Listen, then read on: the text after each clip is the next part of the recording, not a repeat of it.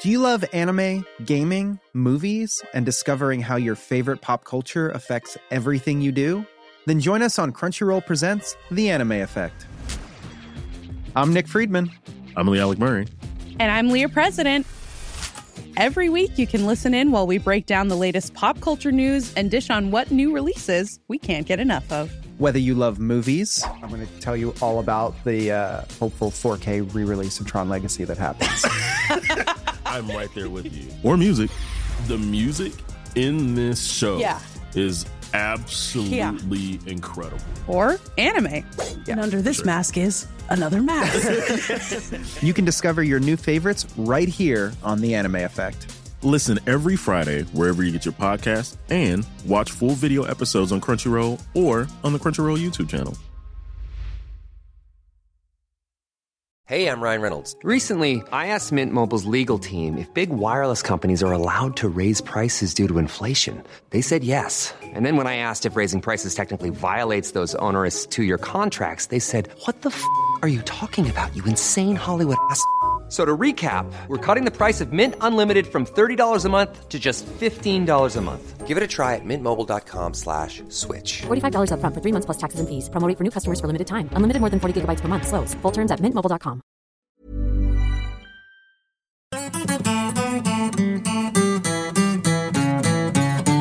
Hur är läget med dig? Det är fint tack. Härligt. Hur, eh, är du också så här lite glad efter eh, matchen senast mot Helsingborg? Ja, lite glad. Det är kul att vinna. Det är kul att vinna. Är du liksom tillbaka i, har du någon slags hybris eller eh, är, det, är du bara lite gladare än du var efter derbyt? Ja, jag är väldigt mycket gladare än efter derbyt. Men eh, hybrisen ligger väl på lite standby sådär inför Du väntar hösten på... kanske. Ja. Jag, jag tänkte på det idag för att vi AIK avslutar alltid, det är också så här, vi börjar alltid dåligt och sen så avslutar vi alltid vårsäsongen bra. Vi brukar ofta vinna de här sista matcherna innan uppehållet. Ehm, och det, det är en trend som jag gärna ser fortsätter eh, sådär. Vi vann ju mot Helsingborg så då har vi Falkenberg och Häcken kvar. Mm. Ehm, och Falkenberg har ju redan spelat när det här avsnittet kommer ut. Ehm, så vi hoppas att det har också varit en vinst. Mm, får jag hoppas. Och sen är det Häcken borta. Åker du dit? Ja. Ja. Det gör inte jag längre. Vi pratade om det tidigare, att det skulle vara en så här, familjebuss. Och det var ju en... Det är en kul idé med familjebuss, men det kanske inte är så jäkla bra idé att ha den till Göteborg. Eh, när de har kommit hem ett på natten med, med små barn eller åker liksom 100 mil eh, tur och retur på en dag. Eh, det, var, det var min idé. Eh, det får jag ta på mig. Så det, det var inte så många som kunde åka, så den blev tyvärr inställd. Men däremot så kommer vi att köra den i höst. Och då kommer vi åka till Gävle istället. Så att, eh, jag, jag tror och hoppas att det kommer bli fler som vill åka. Mm. Så att alla kan förbereda sig för det. Jag kommer inte ihåg datumet när vi mötte Gävle. Men eh, då, då ska vi åka en familjebuss, garanterat. Jag spikar den platsen för mig i alla fall. Och Martin kommer också med.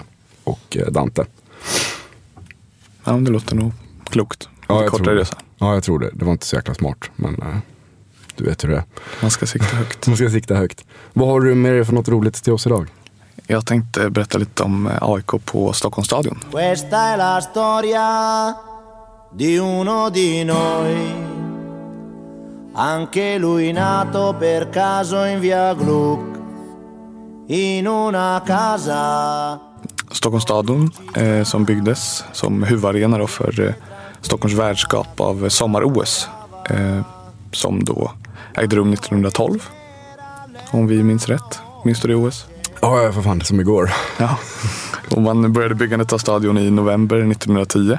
Och eh, när den var färdigbyggd så summerade man kostnaden på 1,2 miljoner. Mm. Vilket kan jämföras med vår nuvarande hemmaplanskostnad.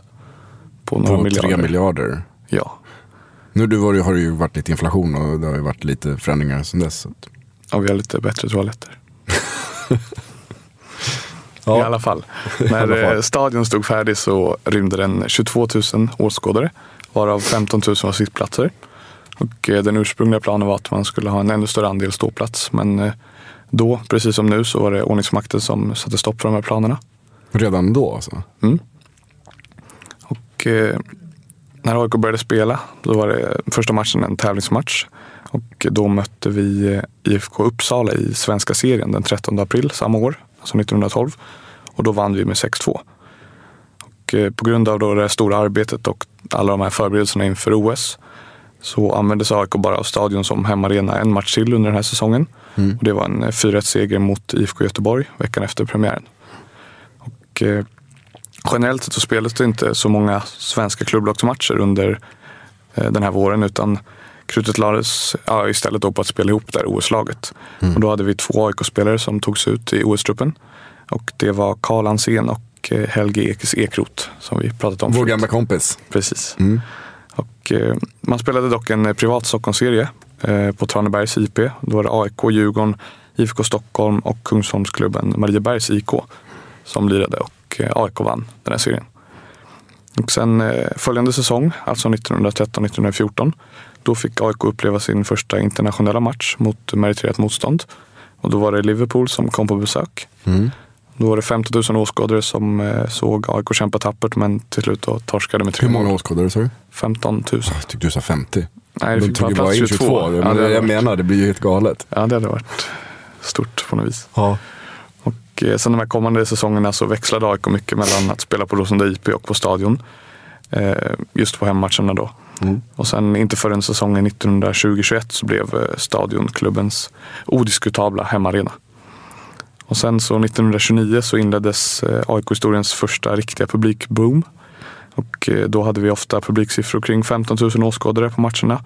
Vilket på den tiden var ganska naturligt eftersom att vi under den här perioden var väldigt överlägsna i Stockholm. När Djurgården och Bayern låg i lägre serier. Och eh, i november 1929 då var stadion för första gången utsåld på förhand inför ett möte med Helsingborg. Och eh, efter att ha torskat ett tidigare möte med 5-0 så vann AIK med 5-1 i den här matchen. Och den har senare kommit att kallas alla tiders svenska klubbmatch på stadion. Och eh, hittade ett matchreferat från Dagens Nyheter. Och där kan man läsa det här då. Och det är svårt att inte läsa det med så här gammal klassisk radioröst. Kör. AIKs taktik genomfördes riktigt och konsekvent under Kaufeldts säkra ledning.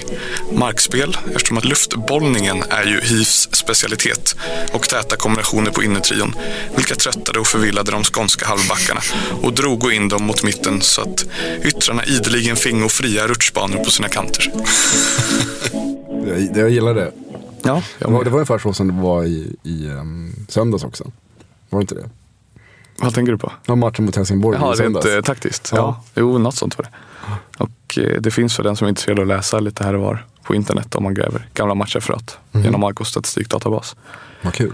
Och sen eh, säsongen 1931-32 så bärgade AIK sitt första allsvenska guld på Stadion. Och då hade vi ett publiksnitt på 18 000 åskådare. Och eh, till den här toppmatchen som spelades mot Örgryte så var det 30 000 personer som sökte sig till arenan. Men eftersom att den bara tog in ungefär 20 då så fick eh, i runda slänga 10 000 vända hem eh, vid entréerna. Och eh, under det här året så tog AIK också emot italienska Milan vid två tillfällen för träningsspelande. Och då vann Milan det första mötet och sen vann AIK det andra. Och där har vi historiskt sett väldigt jämn statistik. Jag tror att vi har tre segrar var på sju matcher. Questo ragazzo della via Gru si divertiva a giocare Hur som helst så eh, fanns det på den här tiden en klassisk DN-journalist vid namn Jan-Olof Olsson från Birkastan som har beskrivit sina barndomsminnen med välfärdande AIK-supportrar längs Odengatan och Vallalavägen inför hemmamatcherna på stadion. Och eh, han tyckte om att vara på plats långt innan avspark för att suga in ståplatsatmosfären och se legender som eh, Perra Kaufeldt, Erik Lillis Persson och Gurra Sjöberg värma upp. Och eh, med hans egna ord så sa han Pojkårens ståplatssöndagar, det var en mallighet att man gick dit. Ett sätt att verka kar. Man hörde några svordomar, lärde sig fackuttryck, expertspråk. Men det kunde man alltid bräcka någon under, de trista, under den trista skolmåndagen. Jag idrottade na- naturligtvis inte själv och jag var dålig i gymnastik. Genom att gå på stadions ståplats kompenserade jag de här bristerna. Härligt. Så, så det kanske vissa känner igen sig i idag. Kanske. Det är kul tycker jag när man hör sådana här grejer. Hur det, är liksom, det, det är samma sak då, samma sak nu som det var då. Det är liksom ingen skillnad. Det var 15 000 på matcherna då. Det är väl ungefär vad vi har idag. Och liksom samma grejer som, som folk tycker och tänker som, då som idag. AIK har ju liksom alltid varit AIK. Och liksom för, för 70 år sedan så stod folk och hejade på samma sätt som vi står idag. Kanske inte en kap med en megafon men Nej, men på tal om det så var det faktiskt en eh, skandal i löpsedelsklass under AIKs år på Stadion. ja. Och det var i matchen mot Elfsborg den 1 juni 1936. Och då var det några åskådare som tände eld på Sofialäktaren. Eh, då fick man, vilket också påminner lite om eh, dagens situation, så fick man stoppa matchen och eh, så fick även läktaren utrymmas och brandkåren kom och släckte. Mm. Men sen så återvände folk till läktaren och matchen spelades klart. Vilket år var det här sa du? 36. 1936 så brände AIK eh, Sofia-läktaren. Ja. Härligt. Det är den som, som Djurgården håller på att snacka så mycket om. Det är deras ståplatsläktare, va? Sofia-läktaren. Mm. Ja. Den brände vi redan eh, 1936. Mm. Så. Yes. Ja. Och sen eh, ja, den här publikboomen då som hade drabbat AIK, eller drabbat är fel ord, men som hade skakat AIK. Och eh, bara växt under 30-talet gjorde till slut att eh, vi växte ur stadion. Och eh, 1932 så offentliggjordes de första planerna på ett arenabygge ute i Solna. Men det var först eh, 36 på våren där som allt spikades och man började bygga Råsunda fotbollsstadion. Och eh, AIK bidrog med 100 000 kronor till bygget och lämnade 1937 Stockholms stadion som fungerat som AIKs huvudarena då, under 25 år mellan 1912 och 1937. Vet du hur folk reagerade inför den flytten till, till Råsunda? Från, eh, från stadion. Jag tänker liksom hur vi gnäller idag att vi, det, vi måste gå så långt från eh, tunnelbanan ner till Friends och så. Hur reagerade folk? Tro, eller, tror du liksom att från eh, in i stan, liksom, Vallallavägen och sådär. Nu, nu ska man ändå ut till Solna. Det går ingen tunnelbana där. Den kommer inte förrän på 70-talet. Liksom. Mm. hur, vet du hur man reagerade kring den här flytten? Jag vet skulle jag inte påstå, men jag, jag läste något gammalt eh, dokument från olika bebyggelser i Solna då. För det var en hel del nybyggelse även på villa och bostadsfronten.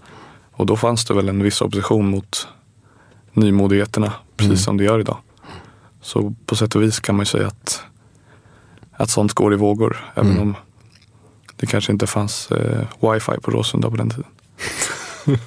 Behovet var nog väldigt litet om inte annat. Ja, Ja, spännande. Var du, var du klar eller hade du något än, ännu mer? Nej, jag var klar om du tar några, Nej. några fler frågor. Nej, Nej det, var- det, var, det var spännande. Det är också så här, jag jag hade ingen koll på stadionåren. Jag vet att vi har spelat länge på stadion. Men det är alltid väldigt roligt att ha det här. Det, det, det, faktiskt så fick vi en fråga på Twitter häromdagen eh, från en lyssnare. Eh, om vi inte kunde mm, liksom släppa historieavsnitten separat som en egen flik på vår hemsida. Och det är en jättebra idé och det tänker vi att vi ska göra också. Eh. Var det, var det du som frågade? Nej, det var inte Simon som frågade. Sorry. Precis, det var, det var Simons andra Twitterkonto som frågade. Det heter in, inte Simon. Eh, ja, och det, det ska vi definitivt göra. Det är ju skitroligt för då kan alla gå in liksom sen efterhand och lyssna på Då kommer vi liksom tala om tydligt vad varje avsnitt handlar om så alla kan gå in och lära sig allting om AIKs historia. Det är ju en superbra idé. Jag vet inte varför vi inte har tänkt på det innan. Ja, det har vi väl tänkt på viss, eller i viss mån. För det, det finns ju vissa visioner om att skapa ett stort, eh, en stor samlingsplats för all eh, AIK-historia i digital form.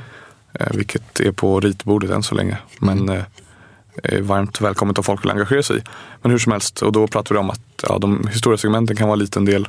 Det finns saker i filmarkivet som går långt tillbaka. Bland annat från när politiker var och inspekterade bygget av Råsunda. Eh, tidigt 37 eller ändå 36. Eh, och det finns väldigt mycket gammalt material även på internet. Så hitta en sån samlingsplats vore ju väldigt Ja, det är asbra. Vi kommer i alla fall lägga ut eh, vår, dina AIK historiesegment på vår hemsida. Sen så delar vi ju självklart med oss av dem till en eventuell sån eh, plats eh, också som du pratar om. Det är skithäftigt. Vi, vi, ehm, vi är bara glada att få kunna sprida ditt, din kunskap till våra lyssnare. Och det är skitroligt att höra. Ska vi, vi ska väl börja köra igång med programmet eh, och släppa in eh, assisterande och tränare och videoanalytikern Ulf Kristiansson. Men eh, först, eh, tack Simon och nu det här. Tack så mycket. Innan vi släpper in Ulf Kristiansson vill jag bara lämna ett litet meddelande. Matchen mot Falkenberg var, hade vi en sedelkampanj till AIK Tifo. Där folk skulle lägga massor med sedlar i eh, hinkarna. Det är garanterat några som har varit så fulla så att de har missat de här hinkarna. Och då går det också jättebra att um, swisha och föra in pengar till eh, AIK Tifo. Uh, Och all information om hur man uh, skänker pengar till AIK Tifo finns på www.oiktifo.se. Annars så kan jag snabbt eh, rabbla upp um, här nu Swish-numret. Som alltså är 073 641 9057. 073 641 9057. Det är som att swisha minst 100 kronor. Eh, eller till postgironummer 189-65-49-1.